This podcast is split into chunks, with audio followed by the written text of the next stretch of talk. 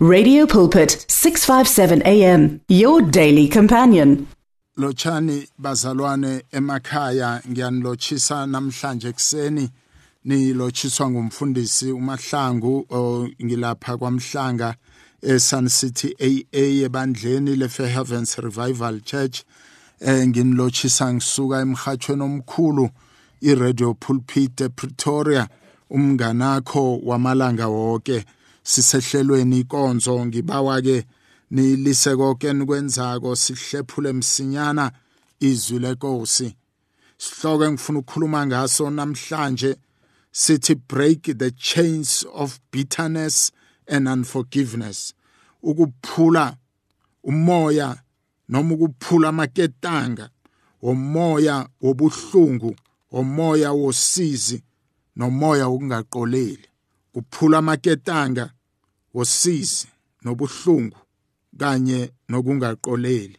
Sifunda izwi lenkosi kwebefesu sifunda izwi lenkosi kwebefesu 4 verse 31 to 32 fundeka ngalendlela yes. Akuphele konke ubumunyu itukuthelo ilaka ukubangelana ichata ukukhulumana kumbi. Kanye nabo bonke ubumbi. Yibani mnene nihawukelane nilibalelane ngombana nozimu anilibalela ngoKristu Jesu. Babegameni elinamandla lenkosethu Jesu Kristu baba nalilizwi lakho sesilifundile baba khuluma ngalo ke ngathi uyathoma ukukhuluma khuluma baba ulithadlule ngendlela babethandwa nguwe. Egameni elinamandla lenkosethu Jesu Kristu. Amen and amen. Ubuhlungu noma ubumunyu yinto ejwayelekile.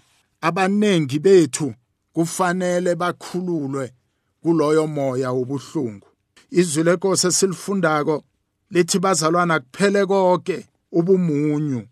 Ubumunyu yinto ehlala njalo ikhona. Banengi phakathi kwethu abamunyu. Banengi phakathi kwethu abezwa ubuhlungu ngombana baliwa ngombana balinyazwa ngabanye abantu. Bahlala njalo bakwatela abantu abo bahlala njalo bagqwele umunyu. Hlala njalo bagqwele ukungaqoleli. Lokho futhi kuhlala njalo kubalimaza empilweni nabo. Bazalwana umoya wobumunyu. Umoya webitterness umoya ongenelele khulu empilweni yomzalwane nomlaleli ekhaya. Umoya wobumunyu ungenelela ezintweni eziningi uyicharaganisha impilo yomlaleli ekhaya kanye nomzalwane. Moya wobumunyu lidimoni. Moya wobumunyu uvulela usathane izindlela eziningi zokungena empilweni yethu. Moya wobumunyu ngiwo osenza sihluleke ukulawula inyama yethu. Moya wobumunyu wenza bonyana abantu babe nentsele begodu bafune ukwanelisa inyama yabo. Kukhona ubudlelwano bazalwane nani balalela emakhaya phakathi komunyu kanye nokugula. Ukugula okufana necancer nearthritis nokunye futhi ukugula. Kusukela ekutheni umzalwane umunyu impilo yakhe yonke umlaleli umunyu akaqoleli ngitsho nokuqolela. Uzimo unguzimethu unguzimo omuhle. Wazibonakalisa emara ebantwaneni bakwaIsrayeli nabakhamba bafike emara bathola amanzi. Ababako noma bathola amanzi amunyu bathoma lapho bamvukela uzimu ukuthi ubakhiphe eGibhithe ubalethele ukuthi bazokufela ehlane ngombana kungekho amanzi okusela. Kodwana uzimethu wavela emara waphendula amanzi wafike elim lapho bathola khona amanzi wokusela. Bazalwane ubumunyu benza ngisho bususe noqhobo onalo nomusa onawo ovela kuzimu abantu abagqwele umoya obumunyu babantu abalahlekelwa izibusiso zabo. Babantu abagcwele izinto ezingathokozisiko. Kusuka kungene phakathi kwabo ngitsho nokugula okuningi kuyasuka ngitsho nobukhona bukazimu empilweni yomuntu onjalo gameni elinamandla lenkosi yethu Jesu. Bazalwane kubalulekile ke ukuthi ekugcineni kwendlela noma ekuhambeni kwethu bazalwane sihlale njalo sibe nakho ukuthi sicolele.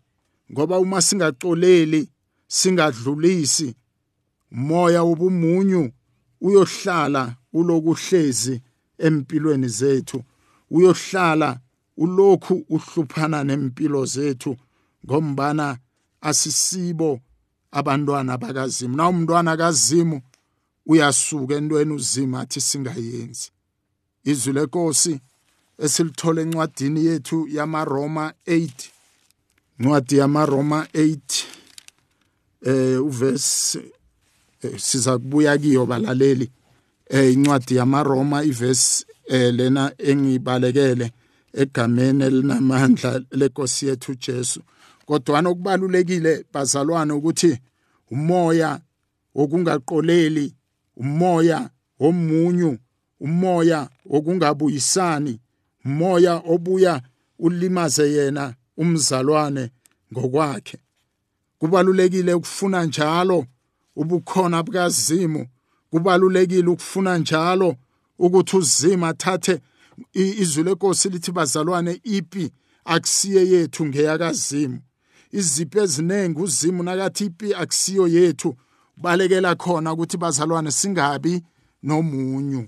Ingakho athi akuphele bonke ubumunyu akuphele lonke ilaka akuphele konke ukukhulumana kumbi akuphele konke okungakalungi kodwana nibe nenhliziyo ezizwelanako nibe nenhliziyo ezicolelanako. Njengoba nozimu waniqolela ngoJesu Kristu indodana yakhe bazalwane kubalulekile ukuthi na uphile emhlabeni umntwana kazimu umamukela uJesu njengenkosi nomsindisi wempilo yakho ucolele ngoba na ungacoleli kukhona inkinga ekulu.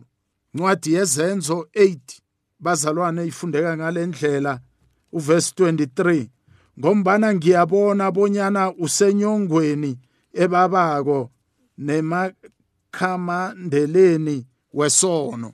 Umuntu onomoya womunyu nomoya wokungaqoleli umuntu lo ubotshwe mamandla wenyongo ebabako begodu usemakhamandeleni wesono. Qolela mzalwane akunandaba ukuthi ubani wakulimaza kanjani qolela udlulise akunandaba ukuthi wezwa ubuhlungu obunjani. Uzimethu unguzimu owasicolela izono zethu zibovu njengegazi wazihlanza zaba mhlophe njengeqwa sanikelwa nelungelo lokubana sibizwe bonyana sibantwana bakhe. Omunye nomunye wethu owamamukela uJesu njengenkosi nomsindisi akafanele ahlala nomoya womunyu akukafanele ahlala nomoya ukungaqoleli namhlanje egameni lika Jesu ngizokhuleka ukuthi umoya webitterness umoya wokungaqoleli siwuphule. Siphule lamaketanga sibophile. Asibophelele emoyeni womunyu asibophelele emoyeni wokungaqoleli egameni nasegazini lenkosi yethu Jesu. Ubumunyu yimpande yazo zonke izinto ezimbi ezivukako nezenzeka empilweni yakho. Ngoba na unomunyu udosa izinto zombuso wobumnyama. Na unomoya wokungaqoleli udosa umoya wombuso kaSathane.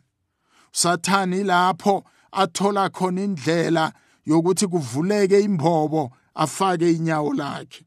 Inyongo bazalwane izwi lenkosi eselifundayo lithi usenyongweni enkulu siyazi sonke musinyongo iyababa.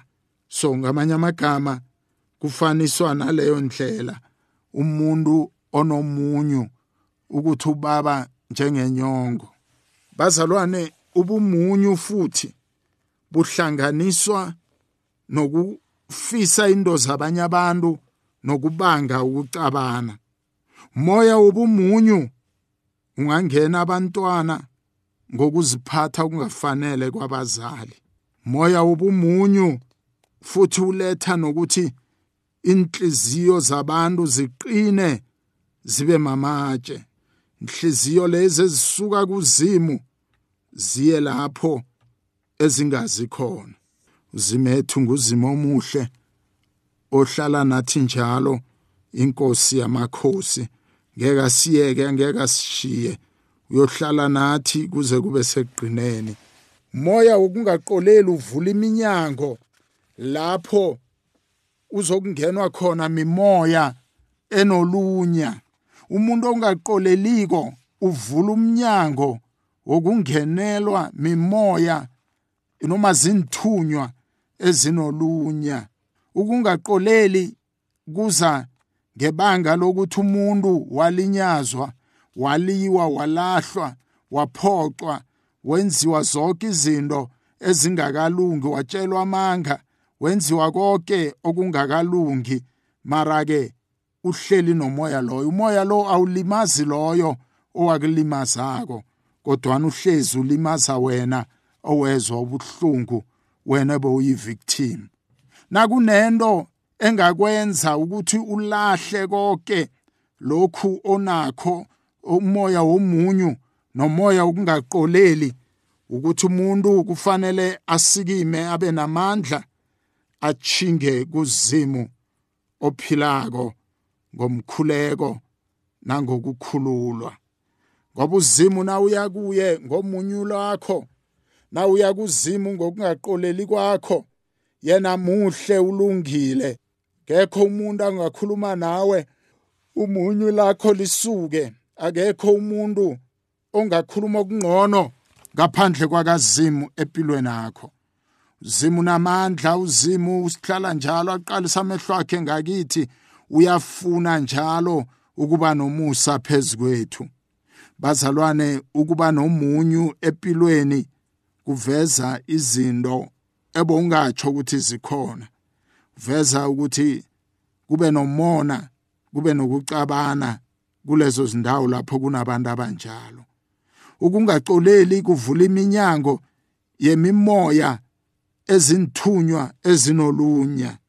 Ukungacoleli umuntu walimala wezwa ubuhlungu kodwana uzimethu ukulungele namhlanje ukuthi angene empilweni yakho.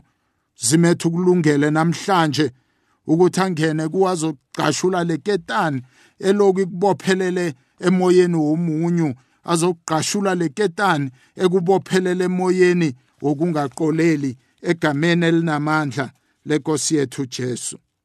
Na ungakhona ukulisa izinto zikhambe ezingakalungi. Usathana uthola indawo yokungena empilweni yakho. Usathana uthola indawo yokukubulala.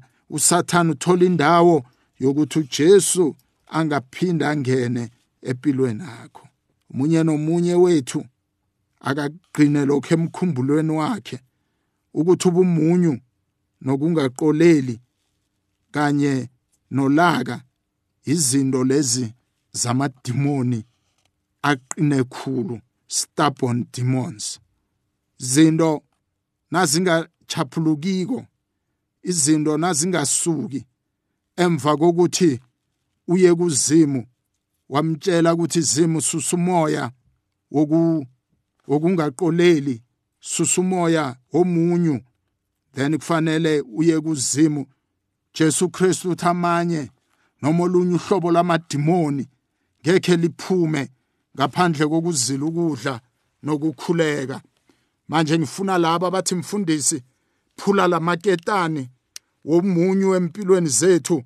Phula lamaketani okungaqoleli empilweni zethu. Ngithi kini bazalwane nani shonani kuNkulunkulu nani balaleli shonani kubaba uzimu umnini mandla wonke ngokuzila ukudla nokukhuleka. Ubone amandla kazimu akukhulula ungavumi ukuhlala nebitterness ungavumi ukuhlala nomunyu uze ungene ngitsho nasemoyeni wakho. Funeka laba abazothi mina ngeke ngiphinde ngibe nolaka ngeke ngiphinde ngifune ukuzibuyisela ngeke ngigcwale ukuzonda. And ngeke ngibonakale ngathi ngisahluleki. Begodu angeke ngifune ukwenza izinto ezingasiyo intando kaZimu. Zimethu ukulungele manje ukuthi achidele kuwe nawe sengiceda mlaleli ekhaya ngibawa ukuthi nawe uchidele kimi uchidele emhathweni wakho phakamisa izandla ngikhuleka nawe. Ngifuna siphule siqashule amaketanga womoya womunyu nomoya wokungaqoleli egameni elinamandla lenkosi yethu Jesu. Baba namhlanje ekseni napha abantwana bakho baphakamisa izandla baziphakamisele kuwe baba bayakholwa ukuthi inkosi uJesu yafa yabafela esiphambanweni ukuze izono zabo zithethelelwe. uJesu Kristu unqobile konke okuthwenya impilo zethu. uJesu Kristu usinqobele esiphambanweni. Jesu Kristu wasinqobela umunyu esiphambanweni. Jesu Kristu wasinqobela ukungaqoleli esiphambanweni. uJesu Kristu wasinqobela umoya wokulwa esiphambanweni. Jesu Kristu wasinqobela umoya wokuzonda esiphambanweni. uJesu Kristu wasifela esiphambanweni ngoba uzimu anothando phezukwethu uthi ngalithanda izwe kangaka ngaze nganikela ngendodana yamezele yodwa ukuba ilona lokholwa ngiyo angabhubhi kholwa nguJesu ubumunyu buyasuka angeke ubhubhe. Kholwa nguJesu umoya wokungaqoleli uyasuka. Amaketana kubophile ngiyawaphula ngegama nangegazi likaJesu. Ngimemezela ukukhululeka phezukwempilo zenu egameni elinamandla lenkosi yethu Jesu. Amen and amen.